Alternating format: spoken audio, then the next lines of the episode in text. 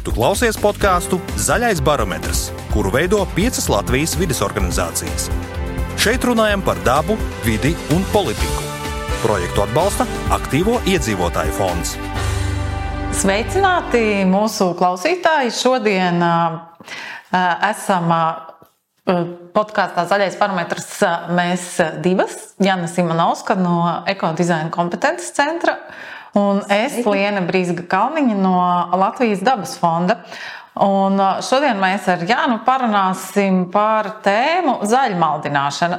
Saka, Jāna, kad tu esi tā kārtīgi sazaļmaldināta, kad ir kārtīgi bijusi sajūta, ka nu, ir sapūstas zaļās pīlītes? Jā, un es biju ļoti dusmīga tajā brīdī. Es uzķēros uz vienu mūsu ziepju ražotāju paziņojumiem, ka visi produkti ir dabiski un, un, un ekoloģiski un veselīgi. Un tas jau man liekas, pirms kādiem 20 gadiem, un toreiz es viņus nopirku.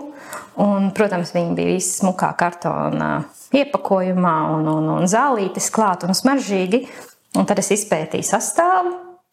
Un tad, kad es ieraudzīju, ka šīs ļoti dārgās ziepes blakus veikalā um, plauktā tieši ziepes ar tādu pašu sastāvu maksā vismaz desmit reizes lētāk. Es biju ļoti dusmīga. Jā, no mazgāšana, un ziepes, un zaļmazgāšana un zaļmaldināšana. Tas viss tā iet kopā. Un interesanti, ka uh, zaļmaldināšanas, jeb angļuiski greenwashing jēdziens ir cēlies no kāda ceļojuma apskatnieka apraksta pēc tam, kad viņš ir pabijis kurortā un uh, viņš kritizēja praksi, ko mēs arī tagad viesnīcās redzam, ka dvieļus, kurus jūs nevēlaties, lai mazgā atstājiet uh, kaut kur. Uh, ne uz grīdas. Uh, jā, un tad uh, viņa secinājums bija tāds, ka tur nav ne smakas no okeāna glābšanas, ka tā ir viena tāda zaļmaldināšana. Un tā tas jēdziens arī grīnošīgi aizgāja apritē. Uh, Bet saki, vai tu varētu iedot definīciju, tādu konceptuāli pastāstīt, kas tad īsti ir zaļmaldināšana, kā mēs to šobrīd saprotam un kāpēc tā mums šobrīd ir aktuāla? Um. Ļoti īsi es varētu pateikt, ka zaļmaldināšana ir uh, viela brēka, maza vilna. Uh, faktiski tas ir tad, kad mēs uh, ieguldam vides aizsardzības pasākumos krietni mazāk nekā mēs to izpūšam pa pasauli. Tad, tad kad mūsu komunikācija krietni pārsniedz to, ko mēs patiesi darām, tad mēs varam runāt par zaļmaldināšanu.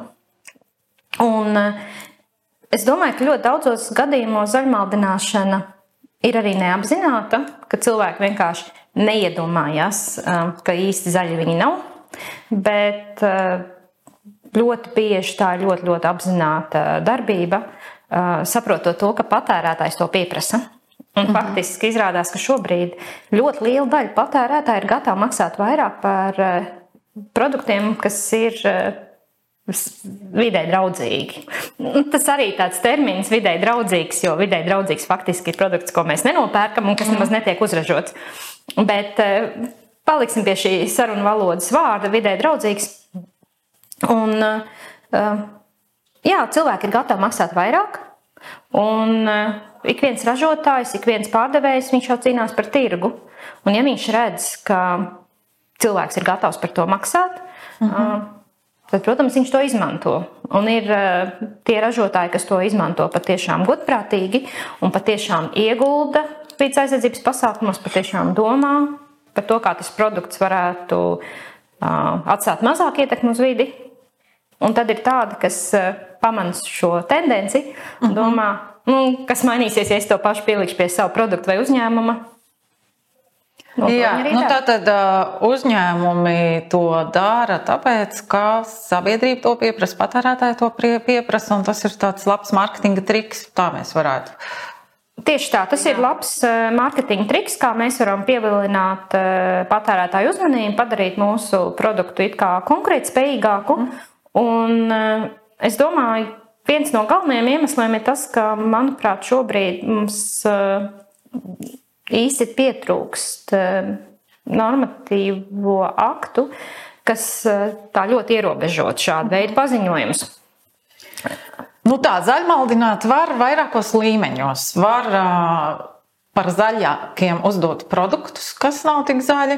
Un varbūt tad sāksim arī ar šo līmeni, jo, manuprāt, tas arī ir vienkāršāk uztverams, izprotams, atšifrējams un arī nu, labāk var uh, apgūt to, kā uz tādiem neuzķerties. Uh, saki, kādi varētu būt tādi populārākie paņēmieni, kā uh, uzņēmumi zaļmaldina produktu līmenī? Um. Faktiski mēs vēl produktu līmenī varam izšķirt arī vēl divus līmeņus. Vieni, no kuriem viens ir vieglāk saprotams, un otrs ir jau daudz sarežģītāk. Tad pirmais līmenis ir tas, ka tie ir tiešie paziņojumi. Tātad eh, ražotājs saka, ka šis produkts ir klimatneitrāls vai šis produkts eh, ir otrreizēji pārstrādājams, eh, bet tāds viņš īstenībā nemaz nav. Un tad ir tie saucamie netiešie paziņojumi kurus arī izmanto ļoti plaši. Tā ir zaļā krāsa. Mm -hmm. nu, pie, šī pildspēle ir zaļāka nekā pārējās. Zināmā mērā, jā. Tā, tā ir krāsa. Tā ir arī mm, iepakojums, noformējums, dabas attēli, mm -hmm. tur dzīvnieciņu foto, rases lāses, skrienošs bērniņš, laimīgs. Tie ir visi paņēmieni, kur mēs skaidri un gaiši nepasakām, ka šis produkts ir vidē draudzīgs, mm -hmm. bet mēs radām tam pircējam tādu iespaidu, ka kaut kādā veidā šis produkts ir saistīts ar dabu, ar vidi, mm -hmm. ar, ar kaut ko tādu skaistu. Un, un to ir arī daudz vieglāk īstenībā ierobežot, jo nu, mēs taču nevaram aizliegt ražotājiem izvēlēties zaļu krāsu. Nu, tiešām mani vienmēr fascinē tas, ka uz piena pakām tiek attēlota tāda romantiskā, pastorālā ainava ar gotiņām, kas ganās un lauku viensētu. Lai gan mēs ļoti labi zinām, ka piens nāk no intensīvās lauksaimniecības fermām, kuras ir tieši cēlonis tam, lai šāda ainava Nebūtu. mums būtu arvien mazāk. Vai cik, cik daudz ir izplatīts tas, ka uzņēmumi savus produktus uzdod par bioloģiskiem? Um. Tas ir daudz retāks, ja mēs, retāk, ja mēs runājam par pārtiks produktiem. Mm. Un atkal, ja mēs runājam, to, ko es teicu, ka viena no problēmām ir nepietiekošs normatīvais regulējums, nu, tā tiesība akti, jo ir tāda vispārēja regula, un kas Latvijā ir pārcelt arī likumos, kas eh, saka, ka mm, negodīgs mārketings ir aizliegts. Tātad mēs eh, nedrīkstam maldināt patērētāju, mm, lai viņš pirktu vairāk, ja mūsu apgalvojumiem nav pamatojuma. Un, eh, bet šo vispārējo mm, likumu ir ļoti grūti ieviest, jo kurā brīdī mēs varam pateikt, ka šis ražotājs ir nevar pamatot.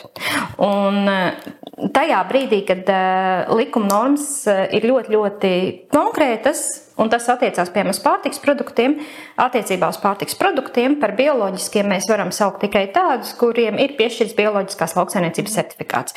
Tas nozīmē, ka šo, šī produktu ražotāju ir auditējis eksperts, Izvērtējis eh, tur esošo praksi, viņš ražo atbilstoši stingri, eh, stingri noteiktām likuma normām. Līdz ar to tikai šādi produkti drīkst apgalvot, ka viņi ir bioloģiski. Tur mēs varētu teikt, ka faktiski tirgu arī šādu maldinātāju es redzēju ļoti, ļoti reti. Uh mhm. -huh. Es arī zinu piemērus, kur piemēram es pamanu, ka kāds tirgo kaut ko organisku, kas tāds nemaz nav. Uh mhm. -huh. un, eh, ātri vien tas pazūd no tirgus, jo tiešām valsts iestādes tikko to pamana. Uh mhm. -huh. Viņi uzreiz saka, ka te ir skaidrs pārkāpums. No tirgus ārā. Jā, un ir sanākt diezgan lielas nepatikšanas. Un soda naudas. Un soda naudas, jā. jā. Saka, kā pircējiem, kā mums, kā patērētājiem, ar ko mums vajadzētu bruņoties, lai mēs būtu acīgāki pret zaļmaldināšanu un uz šiem produktiem neuzķertos? Uh, Nu, viens, ko es ieteiktu, jā, ir apzināties eh, to, ka šos netiešos paziņojumus vajadzētu ignorēt. Uh, otrs ir, um, tas nozīmē arī izglītoties. Bet nu, es varu pateikt, godīgi, strādājot šajā jomā un arī strādājot ar patērētāju izglītību, es domāju, ka vēlme izglītot visus patērētājus, lai viņi neuzķertos mm. uz eh, zaļmaldināšanu, ir nereāla. Tā nekad nenotiks. Faktiski mums ir vajadzīgi daudz spēcīgāki, daudz spēcīgāki likumi, kas aizliedz zaļmaldināt, jo, jo tiešām eh, to mm, paziņojumi ir tik daudz un daudzveidīgi, ka mm. vienkārši patērētājs viņš apjūk un, un viņš to nevar visu iemācīties. Nu, ne, katrs cilvēks var būt vidas inženieris vai vidas zinātnieks. Jā, bet uh, zaļmaldināšana, jā, jau produktu līmenī uh, un sevišķi pārtikas jomā mēs varam diezgan salīdzinoši skaidri pateikt, jā. kur ir un kur nav zaļmaldināšana. Ar netiešo, netiešo zaļmaldināšanu produktu līmenī jau ir nedaudz sarežģītāk, bet organizāciju tēlu līmenī tur jau, man liekas, lietas paliek vēl sarežģītākas. Jo organizācija var, piemēram, teikt, ka mēs birojā esam pārgājuši uz otrreizēju izmantotu papīru vai nododam papīru makulatūrā un šķirojam atkritumus. Tātad mēs esam zaļš birojs, zaļa organizācija, bet īstenībā viņu darbības joma ir saistīta ar vidēji vidē kaitīgām rīcībām. Varbūt tu vari pastāstīt par šo, te, par šo veidu, kā organizācijas nepārāk godīgi izmanto zaļos apgalvojumus sava, sava tēla un sava, savas, nu, jā, visas organizācijas līmenī. Nu, mēs jau varam atgriezties jau pie tā paša mm, pioniera zaļmaldināšanas atklājēja, mm, kurš tas jau bija 88. gads, tas bija pirms vairāk kā 30 gadiem. Un, un, ja mēs salīdzinām viesnīcas ietekmi uz vidi, tā ir, protams, ļoti plaša. Viesnīca ietekmē vidi gan ar to, cik ēka ir labi siltināta, gan ar to, kādu mobilitāti piedāvā viesiem, vai tur, piemēram, kā tie viesi tiek ēdināti. Tur ir ļoti daudz ietekmes uz vidi. Un, savukārt, ja viesnīca pasaka, ka mēs esam zaļa viesnīca, tāpēc, ka mēs lūdzu nemazgājam katru dienu jūsu dvieli, nu, ir skaidrs, ka tā ietekme ir tik ļoti niecīga. Un, un patiesībā sakot, tā ietaupa, tas lielākā motivācija ir naudas ietaupījums, nevis patiešām rīkoties zaļi. Bet, ja mēs vēl to piekaram kā zaļu viesnīcu, tas ir viens no tādiem veidiem. Bet ko es arī uzreiz varu teikt, ja mēs runājam par labo praksi, ir ISO standarts, kurš iesaka, kas ir labā prakse mm, vidas komunikācijā. Un šī labā prakse ir izvairīties no vispārīgiem paziņojumiem. Mm -hmm. Tas nozīmē, ka mēs jau uzreiz varam teikt, uzņēmums, kurš paziņo, ka es esmu zaļš uzņēmums, viņš jau pārkāp šo labo praksi, jo faktiski viņam vajadzētu skaidri un gaiši pateikt, kas ir tieši tas, ko viņš dara. Mm -hmm. uh, un arī tas nevienmēr ir vienkārši, jo, piemēram, tāds skaļākie gadījumi, ko, kas ir bijuši attiecībā uz uzņēmumiem, tas ir piemēram attiecībā uz banku, kas ir paziņojis, ka banka šobrīd ir klimata neitrāla un kā viņi to panāk, viņi iestāda kokus. Jauki, vai ne? Jā, un tā pašā laikā apkalpo klientus, kuru ietekme uz klimatu ir ļoti liela un nozīmīga, bet neieskaitot savā paša klimata pēdā šo tālāko ietekmi, jā, tad. Jo bankas pamatdarbs jau nav uzturēt mm. Eh, biroju, vai ne? Bankas pamatdarbs ir eh, finansēt, eh, izsniegt aizdevumus klientiem, kas veic, veic kaut kādas darbības. Un ja šī banka finansē, piemēram, nu, kaut vai. Um, degslēnakļa ieguvi, ja, kas mm. ir gan ļoti kaitīgs videi, gan arī um, rada lielu klimatu pēdu, tad tie trīs, pieci, nezinu, cik kociņi, ko šī banka iestāda, tas, protams, neko, nu, neko viņa ietekmē uz vidi patiesībā sakot nemaina. Un, ja vēl pie tā viņi paziņo, ka viņi tāda klimata neitrāla banka, mm. nu, viņi diezgan redzami melo. Jā, mūsu pieredze arī ir nācies to piedzīvot, ka uzņēmumi, kuriem ir eh, kādā, eh, piemēram, mātes uzņēmuma prasībās noteikts, ka ir eh, kaut kas ilgspējīgs jādara, viņi saka, nu tad eh, palīdziet mums, mēs gribam iestādīt kokus vai savākt atkritumus kādā talkā, un tad eh, lūk, mēs būsim šo ilgspējas ķeksīti aizpildījuši. Eh, bet saki, kāds tavuprāt būtu tāds patiesi zaļš uzņēmums, tāds, kurš nebūtu ierakstāms pie zaļmaldinātājiem un patiešām domā par savu ietekmi uz vidi un klimatu? Mhm. Es esmu tiešām Latvijā ļoti daudz tādu uzņēmumu satikusi. Piemēram, tie ir arī nu, kaut vai zemnieki, ja, bioloģiskie zemnieki, kas tiešām seko bioloģiskās lauksainicības metodēm. Un es esmu ar viņiem runājusi, un tas ir fantastiski, kā viņi domā par to, kā samazināt šo savu ietekmi, kā, kā viņi var būt eh, vienlaicīgi pieprasīt tirgu, vienlaicīgi labi ražot, un tajā pašā laikā viņi spēja, piemēram, eh, audzēt to savu produktus bez, bez pesticīdu izmantošanas un arī bez mākslīgiem minerālu mēsliem. Un ar citu, kas ir interesanti šobrīd, kad mēs redzam, cik smaga ir fosilo resursu ietekme ne tikai uz eh, dabu, mm. bet faktiski arī uz mūsu neatkarību, jo lielākais šo fosilo resursu avots ir Krievija, Baltkrievija.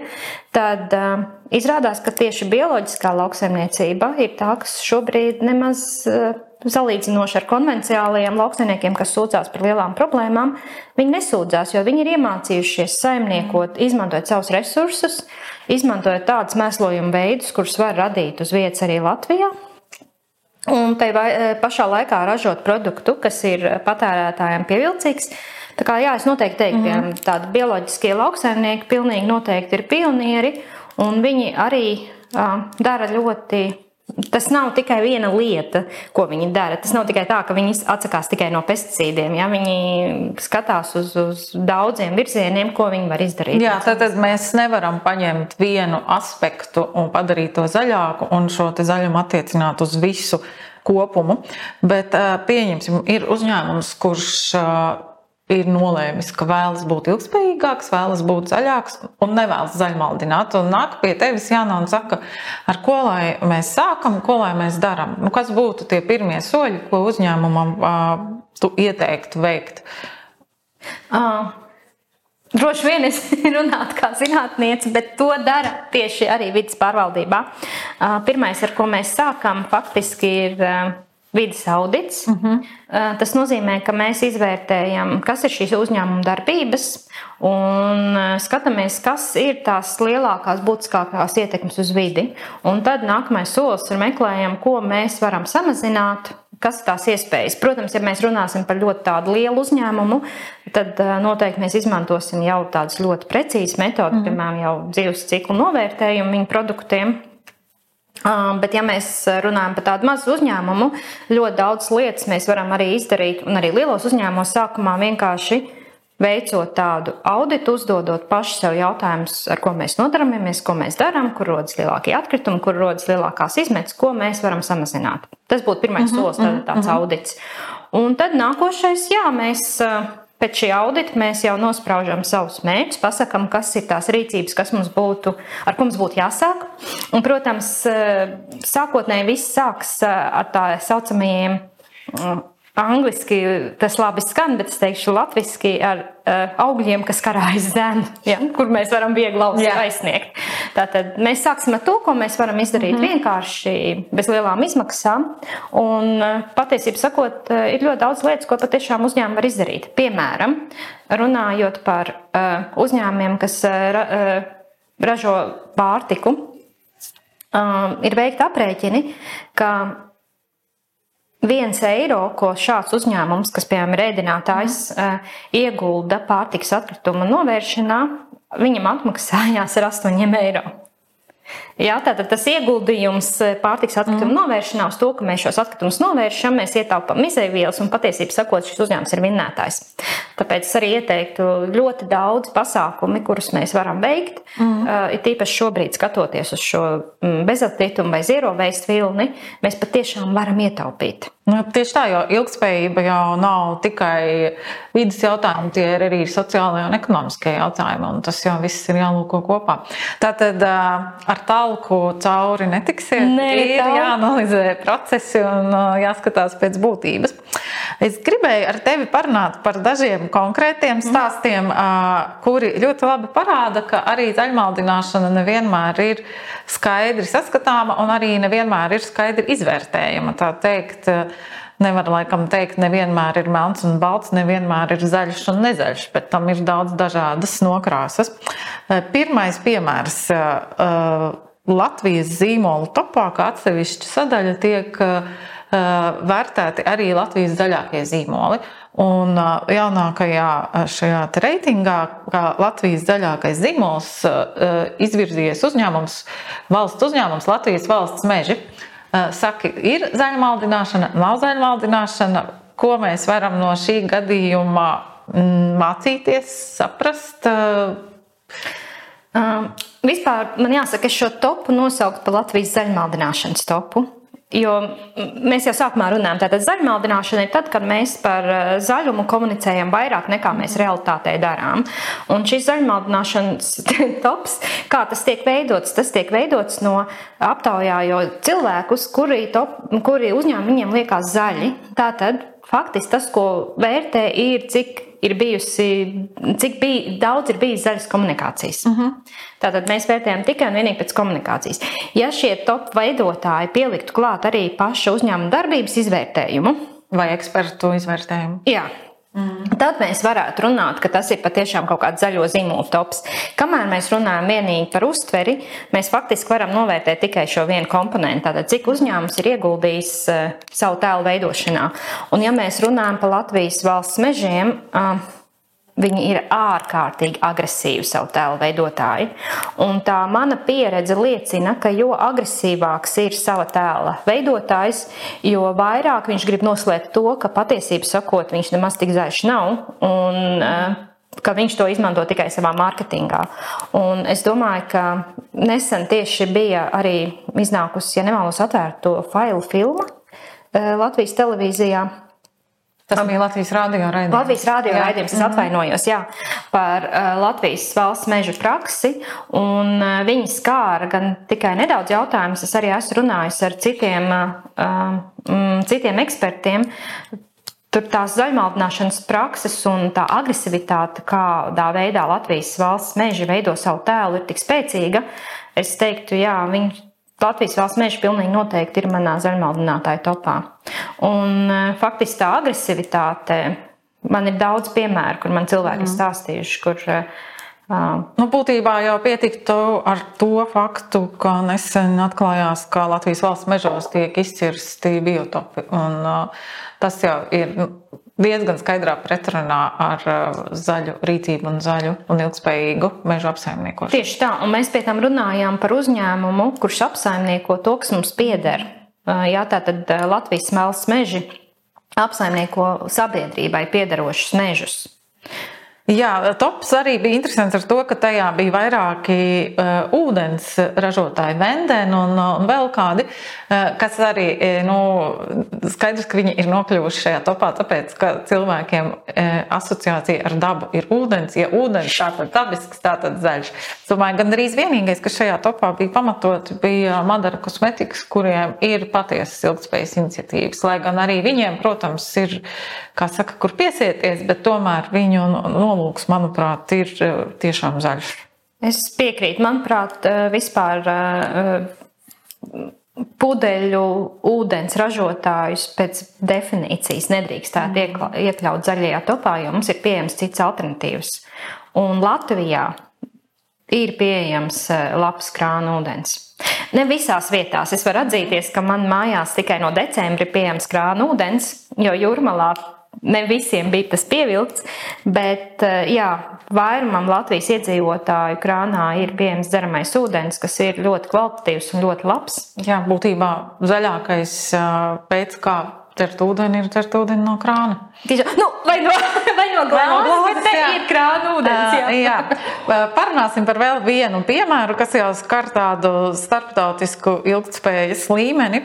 Apģērba ražotājs Haunēm arī galīgi nav vienkāršs gadījums, jo Haunēm, protams, ir viens no dzinēju spēkiem, kas veicina ātrās modes attīstību pasaulē, un ātrā moda ir milzīgs, milzīgi resursu ietilpīga joma, kas rada milzīgus atkritumu daudzumus, kurus ir grūti pārstrādāt, saistīt ar daudzām sociālām problēmām ražotāju valstīs. Tajā pašā laikā H&M piedāvājumā ir organiskās kokvilnas apģērbi, kas liekas simpātiski, un H&M pieņem novalkāto tekstilu, ko var aiznest pie viņiem uz veikalu. Tad, jā, Vai šīs THM ilgspējas iniciatīvas, kā tu vērtētu, ir zaļmaldināšana, vai tomēr tie ir patiesi mēģinājumi kaut kā uzlabot kopējo situāciju ar apģērbu, ar, ar ātrās modes radītajām problēmām? Manuprāt, ir daži biznesa veidi, kur vispār ir ļoti grūti panākt ilgspējību. Un, ja mēs runājam par ātrā modi, tas pilnīgi noteikti ir viens no tādiem biznesa veidiem, jo pēc būtības mēs nevis eh, esam ieinteresēti ražot apģērbu, kuru mēs varētu nesāt pēc iespējas ilgāk uh -huh. un mainīt pēc iespējas retāk. Tā būtu tā apģērba izvēle, par kuru es balsoju. Kas nav savienojama ar jauniem biznesa uh, modeli. Jā. Jā, mm. tajā brīdī, kad mēs gribam piedāvāt pēc iespējas vairāk lēta apģērba. Un atkal, ko nozīmē lēts apģērbs? Man nav iebildumu, ja cilvēks maksā par kaut ko maz, ir ļoti labi. Bet problēma ir tāda, ka lētas preces ātrāk sabojājas. Un arī, ja lētas preces sabojājas, tad visbiežāk tas ir tā, ka mums nav vēlams tās, nu, nav vērts viņas labot. Teiksim, es arī esmu nopirkusi kleitiņu, bet kleitiņai ātri vien pēkšņi noplīst viena vīle. Man pat viņu nav vērts aiznest labot, tāpēc ka tā viela ir tā izplīsusi, ka faktiski tā kleitiņa nu, nākošajā brīdī izplīsīs nākošā vilīte. Ja? Tātad, um, ja mēs piedāvājam šāda veida lētus apģērbus, kas ir uh, ļoti ātri plīstoši, man ir bijis arī tā, ka es ieeju kabīnē, nu, uzlaikošanas kabīnē un velkot kleitu, saprotu, ka es viņu saplēšu. Nu, kas tas ir par apģērbu? Mums ir vajadzīgs apģērbs, ko es uzvelku, es varu valkāt pietiekoši ilgi. Tad, tad drīzāk mums būtu vajadzīgs apģērbs, kas pats par sevi ir ilgspējīgs, nevis uh, neilgspējīgs apģērbs ar uh, blakus piekabinātām ilgspējas iniciatīvām. Jā. Tieši jā, nu jā, šis arī nu, ir, ir, ir tā sarežģīti uz to lūkoties, jo no otras puses mums ir tiešām grūtības ar tekstila, nu, tekstila atkritumu pār, nodošanu. Ir, jā. ir maz iespēja cilvēkiem atdot novalkātās drēbes, tās, kuras nevar atdot citiem valkāšanai. Halnem ir šo te. Uh, vajadzību uztvēris, devis risinājumu un līdz ar to arī gūst šos ilgspējas pluspunktus, bet tajā pašā laikā kopējais biznesa modelis ir tāds, kāds viņš ir. It kā jā, pie tam. Pirmajā es teiktu, ka svarīgāk būtu nevis pārstrādāt, pārstrādāt, protams, mm. bet vispirmām kārtām svarīgi ir ilgāk valkāt mm. un atkārtot lietot. Ja es, piemēram, varu nodot savu bērnu apģērbu nākošajiem vecākiem, vai arī man bija trīs bērni, man ir trīs bērni, līdz ar to viņi arī novalkāja viens otru apģērbu. Tas ir tas, ko es saskatu kā pirmām kārtām ilgspējību. Mm. Bet, ja tas apģērbs ir tāds, ka, kas ir nekvalitatīvs un es viņu varu tikai atdot otrreizējai pārstrādēji, tas nav tik ilgspējīgi kā apģērbs, ko es mm. tomēr varētu nodot un ko atkārtoti varētu valkāt cilvēki. Jā, kopumā esmu ievērojis, ka apģērba ražotāji, masu apģērba ražotāji ļoti izceļ savu ilgspējas virzienu. Šobrīd piedāvā apģērbus no pārstrādātām šķiedrām, no dažādām vidē draudzīgiem materiāliem. Tas nozīmē, ka ir šis pieprasījums, bet jā, es arī noteikti ieteiktu tiem, kas mīl apģērbu un nav slikti mīlēt apģērbu, jo nu, skaistas lietas ir skaistas lietas, būt pietiekami kritiskiem pret šiem uz apģērbu ražotāju ilgspējas apgalvojumiem. Ir, un es pat teikšu, ir jābūt eh, arī gudri izvēloties, jo patiesībā sakot, izvēloties dārgāku, bet kvalitatīvāku mm. apģērbu mēs ietaupām. Jo mēs to varam valkāt ilgāk. Tīpaši tas attiecas uz apaviem, eh, uz, uz ļoti daudzām lietām. Pārdomāta izvēle, kas pirmajā brīdī mums šķiet dārgāka, ilgtermiņā patiesībā sakot, mums izmaksā lētāk. Un tāpēc mums ir jādomā. Jā, bet Jāna, ko es šobrīd piefiksēju, ir tas, ka mēs runājot par zaļmaldināšanu, atkal esam atgriezušies pie individu atbildības, pret to, pie tā, ka cilvēkam pašam ir jāčeko, jāpārbauda, jābūt uzmanīgam. Vai mēs neuzliekam pārāk daudz atbildības individam par daļmaldināšanas atpazīšanu? Tam es pilnīgi piekrītu. Un tad mēs atkal sākumā sākām runāt, kā atpazīt teiksim, tādas ilgspējīgas lietas. Tad es teiktu, pirmais būtu tomēr šobrīd arī tas ekomarķējums. Gan par pārtiks produktiem mēs runājam par Eiropas eh, zaļo lapiņu, par citiem produktiem mēs runājam par Eiropas puķīti. Un faktiski tas, ko es domāju, kas būtu ļoti svarīgi, ka par zaļu uzņēmumu varētu saukties tikai tāds, mm. tā paziņot, kurš ir, piemēram, saņēmis arī certifikātu šajā jomā. Piemēram, ja nav produktam piešķirts atzīts ekomarķējuma certifikāts, tad viņš tirgu nedrīkstētu mm. sev pozicionēt kā vidē draudzīgu vai zaļu. Jā, vēl viens interesants piemērs, kurā organizācija uzņēmums pasākums sevi nosauc par ilgspējas pionieri Baltijā. Tas ir Rīgas maratons, ļoti laba iniciatīva, kas veicina cilvēku kustību, kas piesaista Rīgai turistus. Viss ir lieliski. Protams, vienmēr šīm maratonam ir nepieciešami līdzekļi, nepieciešami korporatīvie sadarbības partneri, kas šobrīd ir Neste. Un Rīgas maratons kopā ar Nesti arī izsludinājuši ilgspējas iniciatīvu zaļā kopā ar Nesti. Aplūkojot, kādus soļus plāno veikt, ir procesu audits, klimata pēdas kompensēšana. Arī lūkojoties uz šo gadījumu, man arī radās pārdomas. Pirmā sajūta bija, ka nu, sadarbība ar Nesti vispār izslēdz to, ka tu vari būt zaļš pasākums, bet no otras puses arī enerģētika kļūst zaļāka varbūt tas varbūt tomēr nav jābūt tik kritiskiem pret šo sadarbību un, un jālūkojas uz to kā tiešām uz tādu nākotnē vērstu nodomu ar patiesas ilgspējas iezīmēm. Kā tu komentētu? Jā, Neviennozīmīgi. Pirmais, jā, tā pirmā doma man tiešām ienāca prātā, ka faktiski jā, arī enerģija ražošie uzņēmumi nevienmēr uh, mūsdienās mēģina pārorientēties un kļūt, mm teiksim, izvēlēties vairāk atjaunīgos resursus. Tas ir ļoti laba kustība. Bet mums būtu jāstāsta, kāda ir šī uzņēmuma bilance šobrīd. Un ja šī uzņēmuma bilance šobrīd tomēr ir tāda, ka tas ir pilnībā atkarīgs no fosiliem resursiem, tad ir skaidrs, ka pasākums, kurš eh, izmanto šādu sponsoru. Ja tas būtu klusējošais sponsors, labi. Mm -hmm. Bet, ja tas ir atklātais sponsors, skaidrs, ka šis sponsors iegulda savā reklāmā. Ja, tas nav tā, ka viņš to mm, piešķir šos līdzekļus mm -hmm. šim pasākumam, tāpēc aiz labas sirds. Tas ir skaidrs reklāmas pasākums. Un es domāju, ka ikvienam uzņēmumam, ikvienam pasākumam, kurš izvēlās sev uh, sponsoru, kuru viņš skaļi pasniedz kā, kā sponsoru, viņam ir jāapzinās, ka viņš sponsorē, ka viņš reklamē šī uzņēmuma biznesu, ka faktiski tas ir biznesa eh, darījums. Mm. Un, eh, Šajā pasaulē mēs neviens neesam atsevišķi stāvošs uzņēmums. Mēs visi uzņēmumi šobrīd ir saistīti. Viņi kaut kur iepērk izēvielas, viņi kaut kam pārdod, viņi kaut kam nodod atkritumus. Mm -hmm. Un, ja mēs runājam par patiesi ilgspējīgu izvēli, mēs skatāmies gan uz piegādātājiem, gan uz sadarbības partneriem. Tāpēc šajā gadījumā es teiktu, tā, ja, ja šis sponsors būtu klusējošais sponsors, mm -hmm. ļoti jauki, ka šis sponsors cenšas kaut ko darīt.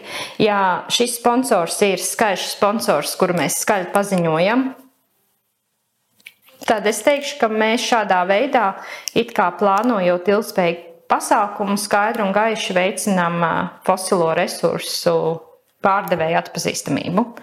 Un tad es teiktu, ka tas mūsu kopējais sasniegums vidē, mm -hmm. tomēr tā bilants manās acīs vairs nebūs tik pozitīva. Ne.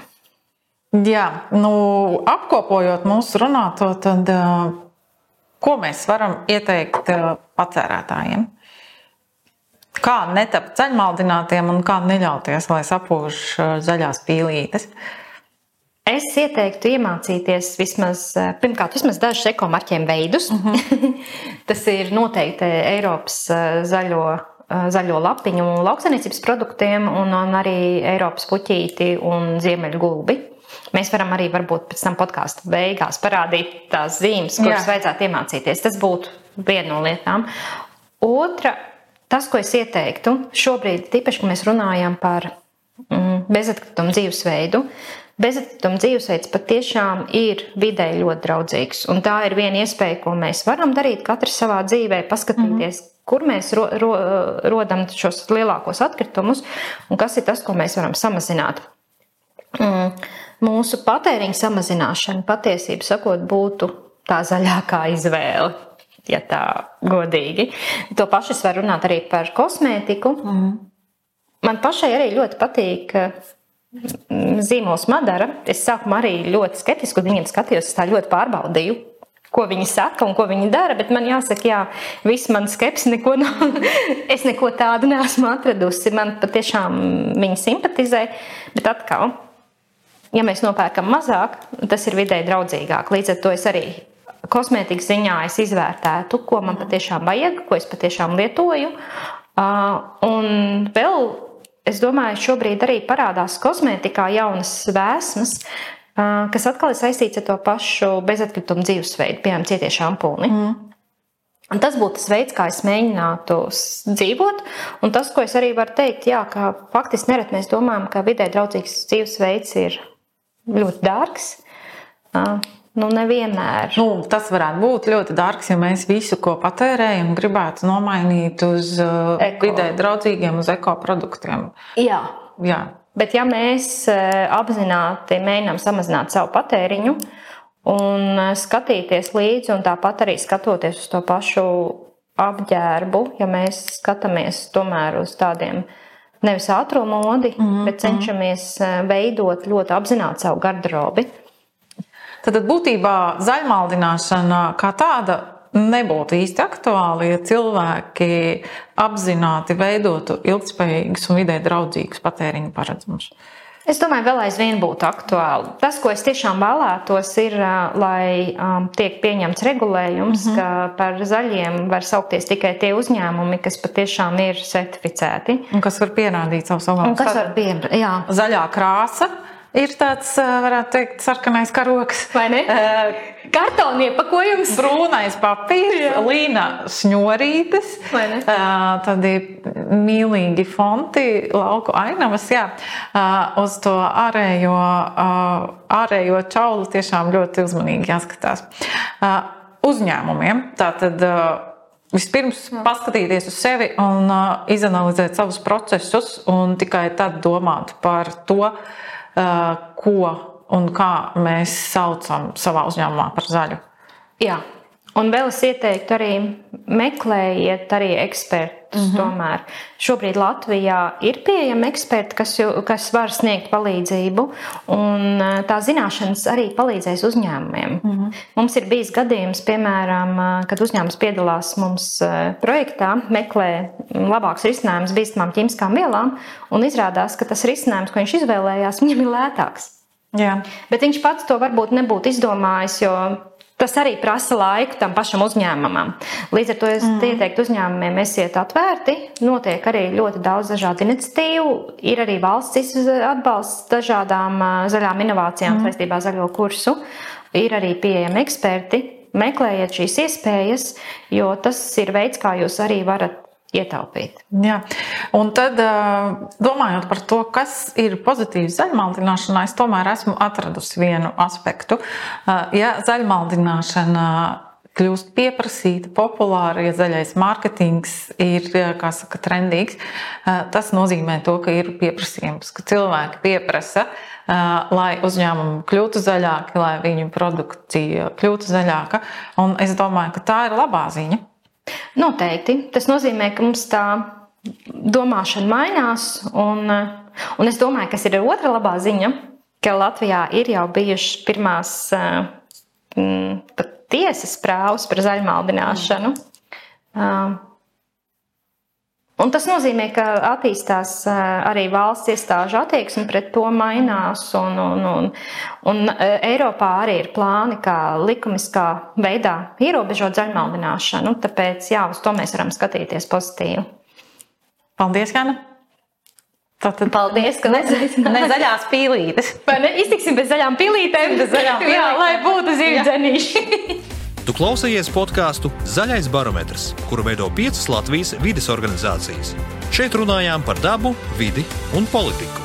Projektu atbalsta Aktīvo iedzīvotāju fonds.